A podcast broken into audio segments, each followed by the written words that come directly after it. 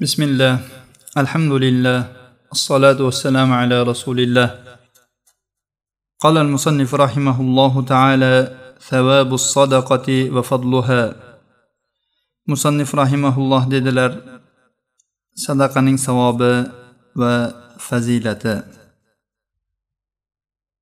bu bobning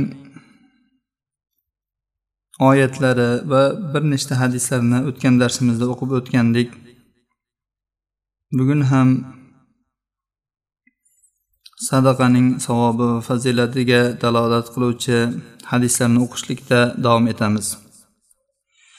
وعن ابي هريره رضي الله عنه ان رسول الله صلى الله عليه وسلم قال قال رجل لا تصدقن بصدقه فخرج بصدقته فوضعها في يد سارق فقال اللهم لك الحمد على سارق لا تصدقن بصدقة فخرج بصدقته فوضعها في يد زانية. فأصبحوا يتحدثون تصدق الليلة على زانية. قال اللهم لك الحمد على زانية.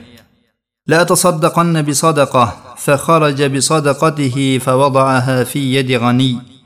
فأصبحوا يتحدثون تصدق الليلة على غني.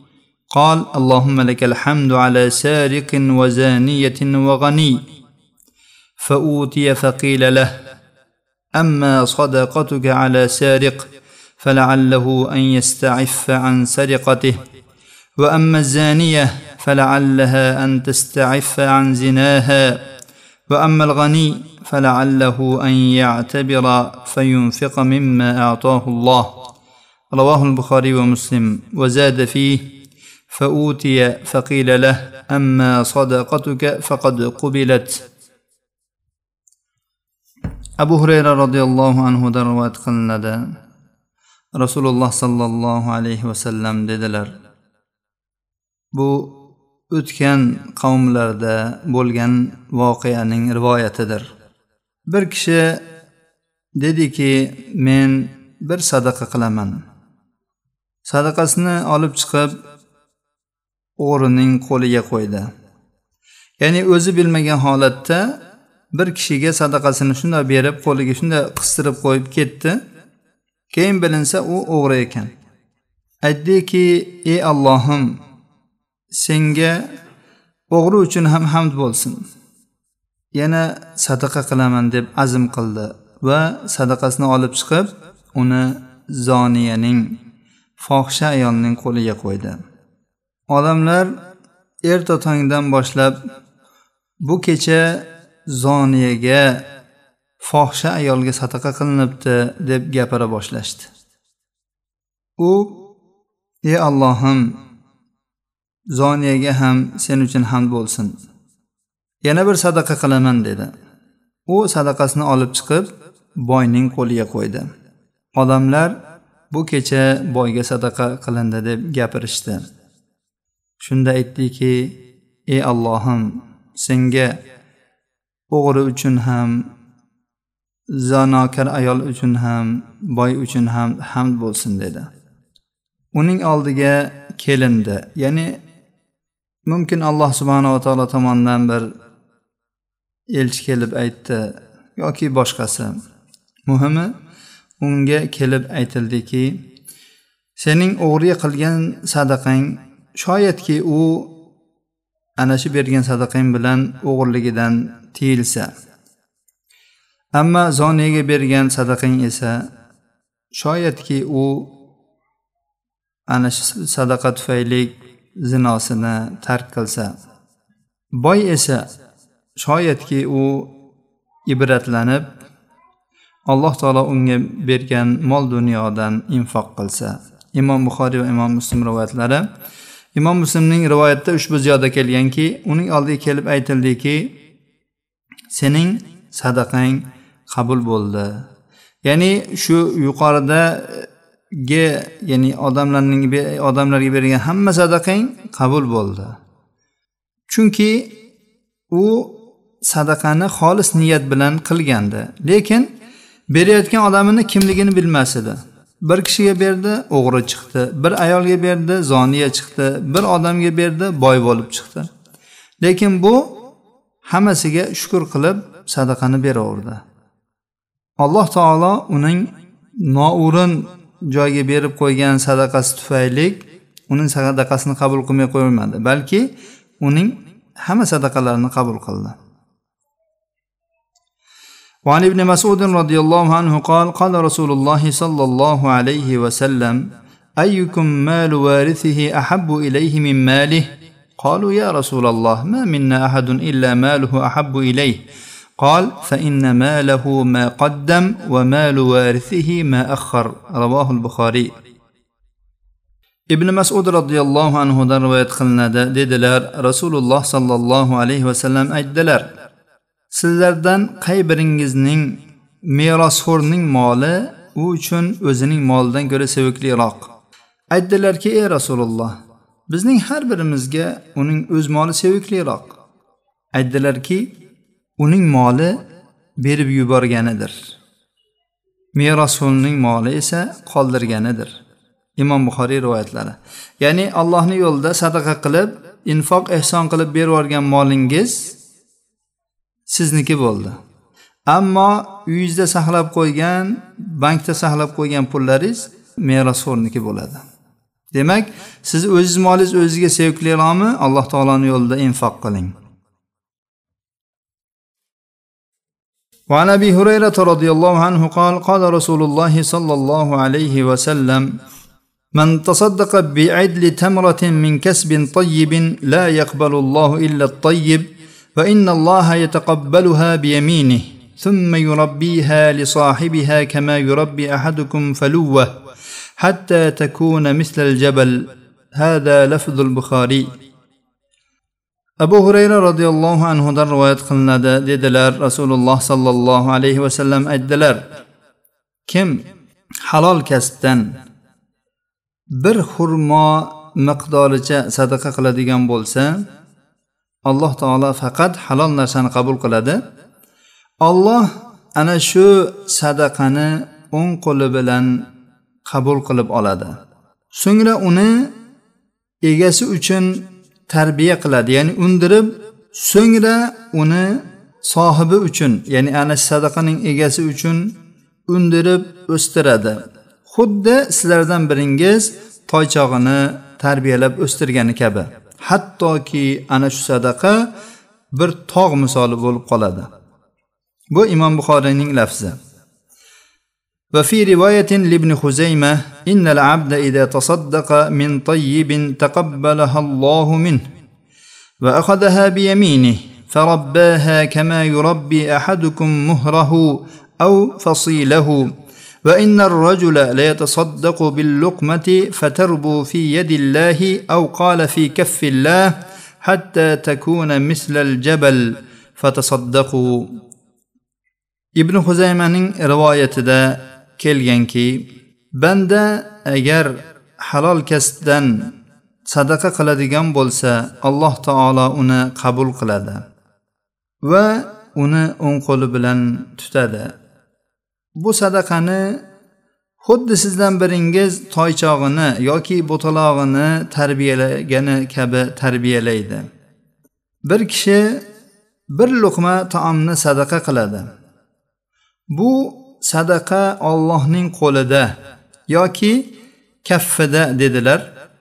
Alloh taoloning kaftida o'sib unadi hattoki tog' misoli bo'ladi. Sadaqa qilinglar.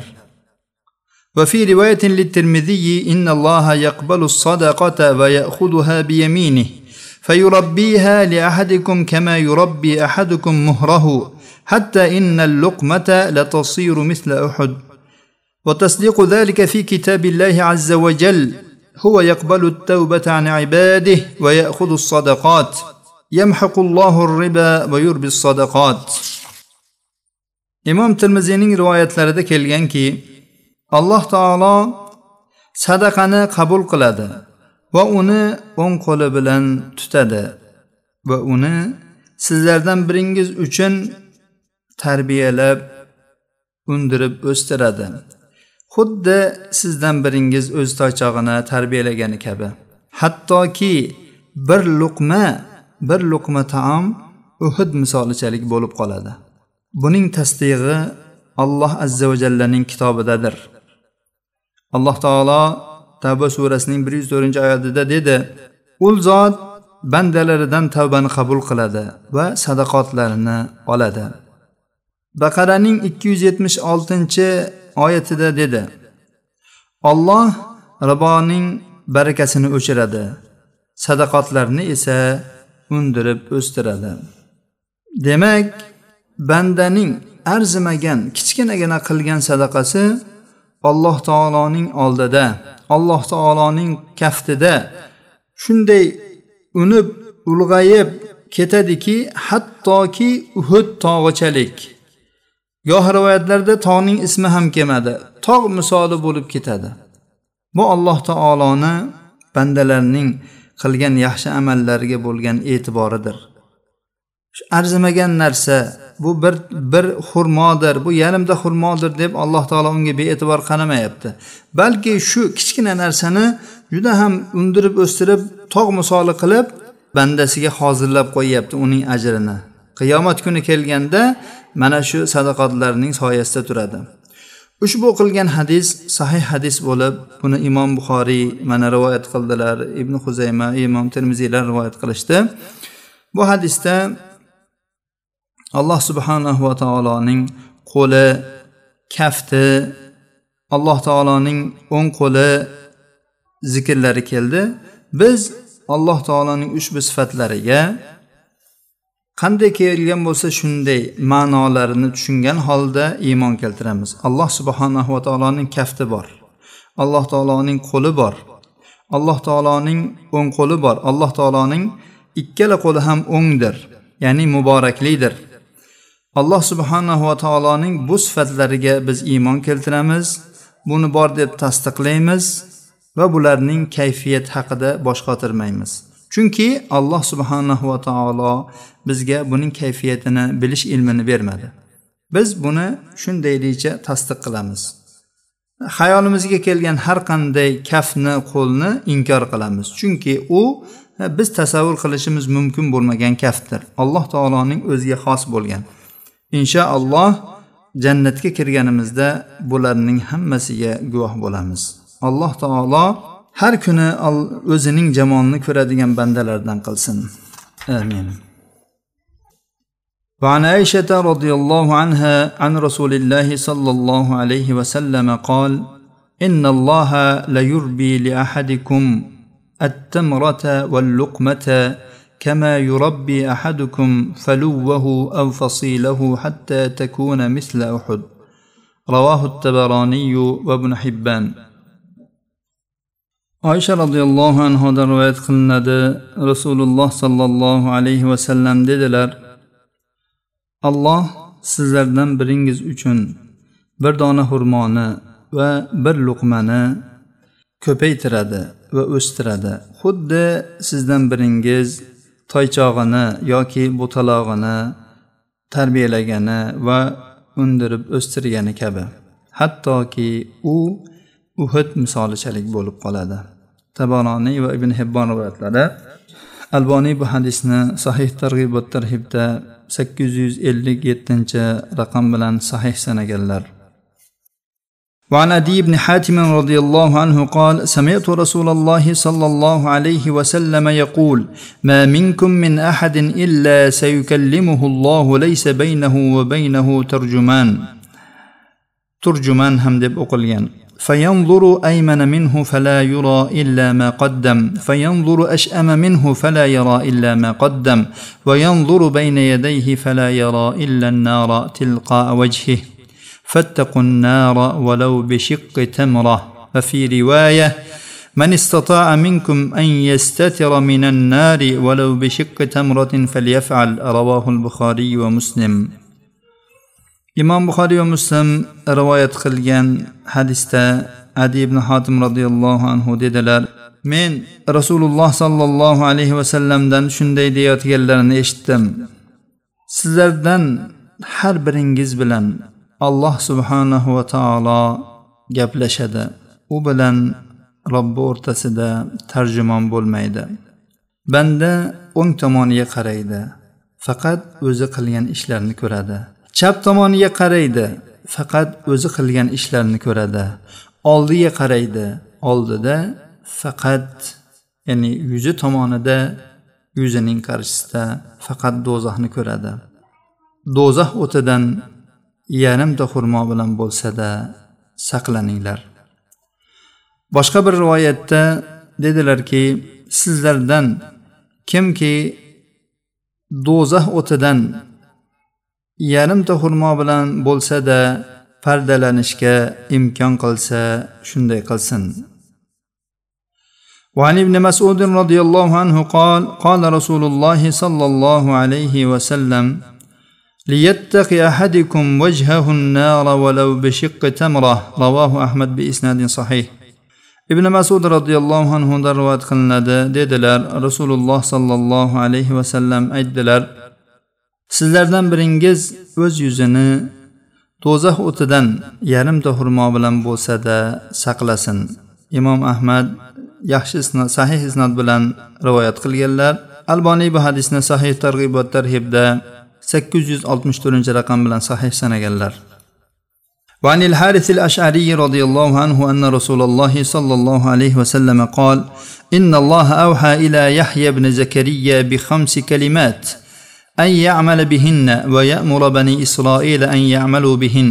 فذكر الحديث إلى أن قال وآمركم بالصدقة ومثل ذلك كمثل رجل أسره العدو فأوثقوا يده إلى عنقه وقربوه ليضربوا عنقه فجعل يقول هل لكم أن أفدي نفسي منكم وجعل يعطي القليل والكثير حتى فدى نفسه رواه الترمذي وصححه وابن خزيمة وابن حبان والحاكم وقال صحيح على شرطهما حارث الأشعري رضي الله عنه در رواية قلنا rasululloh sollallohu alayhi vasallam dedilar alloh azza va jalla yahya ibn zakariyaga besh so'zni vahiy qildi. Unga o'zi ham amal qilishi va bani isroilni ham amal qilishlikka buyurishni tayinladi. Hadisni zikr qildilar va davomida aytdilarki men sizlarni sadaqaga buyuraman ya'ni yahya ibn zakariyo bani isroilni buyuryaptilar. Men sizlarni sadaqaga buyuraman. Buning misoli bir kishining misolidaki uni dushman asir qilib olgan va qo'llarini bo'yniga tortib kishanlagan va uni bo'ynini chopib tashlash uchun ya'ni kallasini chopish uchun kundaga yaqinlashtirgan. U shunda sizlar uchun men biror narsa berib o'zimni biror narsalarimni fidya qilib fido qilib sizlardan o'zimni qutqarib olishim mumkinmi deb ozmi ko'pmi narsalarni bera boshladi. Hattoki o'zini ulardan qutqarib oldi. Imom termiziy rivoyat qildilar va sahih sanadlar ibn huzayma ibn hibbon hokim ham rivoyat qildilar va bu imom buxoriy muslim shartlariga ko'ra sahih dedilar. Bu hadisni alboniy ham sahih targ'ibot tarhibda sakkiz yuz yetmish yettinchi raqam bilan sahih sanadilar. وعن جابر رضي الله عنه انه سمع رسول الله صلى الله عليه وسلم يقول لكعب بن عجره يا كعب يا كعب بن عجره الصلاه قربان والصيام جنه والصدقه تطفئ الخطيئه كما يطفئ الماء النار يا كعب بن عجره الناس غاديان فبائع نفسه فموبق رقبته ومبتاع نفسه في عتق رقبته. رواه أبو يعلى بإسناد صحيح. جابر رضي الله عنه دروا يتقلنا داء رسول الله صلى الله عليه وسلم كعب بن أجرى رضي الله عنه قيشن دي دي أتكلم إشتكن إكن. قلزاد دي دلركي إي كعب بن أجرى نماز يقل لكتر روزة قلقندر صدقة xuddi suv o'tni o'chirgani kabi xatoni o'chiradi. Ey kab ibn ujro odamlar ikki toifadir. Ulardan bir toifasi o'z jonini sotadi va o'zini o'zi halokatga tashlaydi. Yana bir toifa o'zini sotib olib o'zini qutqaradi. Bu hadisda rasululloh sollallohu alayhi vasallam odamlarning ikki toifa ekanliklari kimlardir ya'ni oxirati uchun ish qilmasdan e, o'zini halokatga duchor qilib bu dunyoda ham oxiratini ham kuydirib yuborishligi boshqalar esa o'zini sotib oladi. Ya'ni solih amallarni qilib o'zini sotib olishligi va e, o'zini do'zax o'tdan qutqarib olishligiga e, olib oladigan toifalar ekanligini bayon qildilar. Va sadaqa xatolarni xuddi suv o'tni o'chirgani kabi o'chirishini bayon qildilar. وعن معاذ بن جبل رضي الله عنه أن رسول الله صلى الله عليه وسلم قال له ألا أدلك على أبواب الخير؟ قلت بلى يا رسول الله. قال الصوم جنة والصدقة تطفئ الخطيئة كما يطفئ الماء النار. رواه الترمذي في حديث قال حديث حسن صحيح. muoz ibn jabal roziyallohu anhudan rivoyat qilinadi rasululloh sollallohu alayhi vasallam unga dedilar men sizni yaxshilik eshiklariga yo'llab qo'ymayinmi men ha ey rasululloh dedim u zot dedilar ro'za qalqondir sadaqa xuddi suv o'tni o'chirgani kabi xatoni o'chiradi termiziy rivoyat qildilar va hasanun sahih dedilar bu hadisni ya'ni sahih hadis وقد روينا عن ابن عمر عن النبي صلى الله عليه وسلم انه قال ان الله اذا استودع شيئا حفظه ibn umar roziyallohu anhudan rivoyat qilindi nabiy sollallohu alayhi vasallam dedilar alloh subhanahu va taologa agar bir narsani topshiriladigan bo'lsa ya'ni omonatga qo'yiladigan bo'lsa alloh taolo albatta uni saqlaydi ya'ni bu hadisning dalolati allohning yo'lida berilgan sadaqalar xayr ehsonlarning hammasi alloh taoloning oldida alloh taoloning qo'lida omonatdir. Inshaalloh qiyomat kunida u zot bandalariga bu bergan sadaqotlarini taqdim qilgan xayr ehsonlarini bir necha barobar qilib qaytarib beradi. Bu hadisni imom ahmad rivoyat qilganlar. Bu hadis sahih targ'ib tarhibda ham sahih deb aytilgan. Sakkiz yuz yetmish to'rtinchi raqam bilan. Ushbu bobimizga taalluqli bo'lgan hadislar nihoyasiga yetdi. Alloh subhanahu va taolo barchalarimizni oz bo'lsin ko'p bo'lsin. Allohning o'zini yo'lida ixlos bilan sadaqa qilishlikka muvaffaq aylasin. Va qiyomat kunida arosot paytlarida sadaqalarimizning soyalarida rohatlanib turishlikni nasib aylasin. Imom ibn al qayyim rahimaulloh dedilarki aytilgan so'zdan foydalanish uchun to'rt narsa lozim. Birinchisi ana shu ta'sir qiluvchi so'zning bo'lishi. Bu alloh taoloning kalomi qur'on bo'lsin rasululloh sollallohu alayhi vasallamning hadis shariflari bo'lsin yoki boshqa so'z bo'lsin. Foydalik ibratlik ta'sirlik so'zning bo'lishi birinchisi. Ikkinchisi ana shu so'zni qabul qilib oluvchi uyg'oq tirik qalb bo'lishi. Uchinchisi diqqat bilan tinglaydigan quloqning bo'lishi. Ya'ni diqqat e'tibor bilan tinglashlik. To'rtinchisi ana shu qalbning g'ofil bo'lmasligi boshqa narsa bilan mashg'ul bo'lmasligi. Agar shu to'rt narsa bo'ladigan bo'lsa albatta bu so'z ta'sir qiladi va ta'sir qilgan kishisida o'zining asarini ko'rsatadi. Yuqorida marsad ibn abdulloh muzaniy rahimaulloh ahli misrdan bo'lgan misrlik bo'lgan bu kishining ajib siyratlari bayon qilindi. Ya'ni u kishi rasululloh sollallohu alayhi vasallamning ashoblaridan bir hadis eshitganlar. Hadis juda ham qisqa va purma'no. Mo'min odamning qiyomat kunidagi soyasi uning sadaqasi. Bas. Ya'ni unga nima soya soladi? Qiyomat e, qiyomat kunida sadaqasi. Shu gapni eshitdilar. Shu gapni eshitganlaridan keyin u kishi har kuni sadaqa qilardilar. Ya'ni u kishi har kuni eng birinchi masjidga kelishdan tashqari u kishi har kuni sadaqa qilardilar. Sadaqa qilishga nima topsalar olib chiqardilar. Hattoki goh kunlarda sadaqa qilgani bir dona bir bosh piyozdan boshqa narsa topolmasdilar. Shuni bo'lsa ham yenglarini ichiga solib chiqardilar. Va muhtoj odamga shuni berardilar.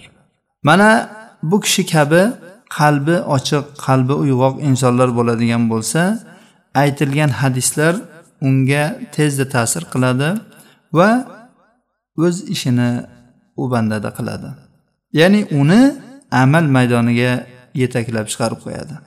Alloh subhanahu va taolo barchalarimizni shu imom marsad ibn abdullohlar kabi uyg'oq qalblik bandalardan qilishligini so'rab qolamiz. Hada va sallallohu ala nabiyina muhammad va ala alihi va sahbihi vasallam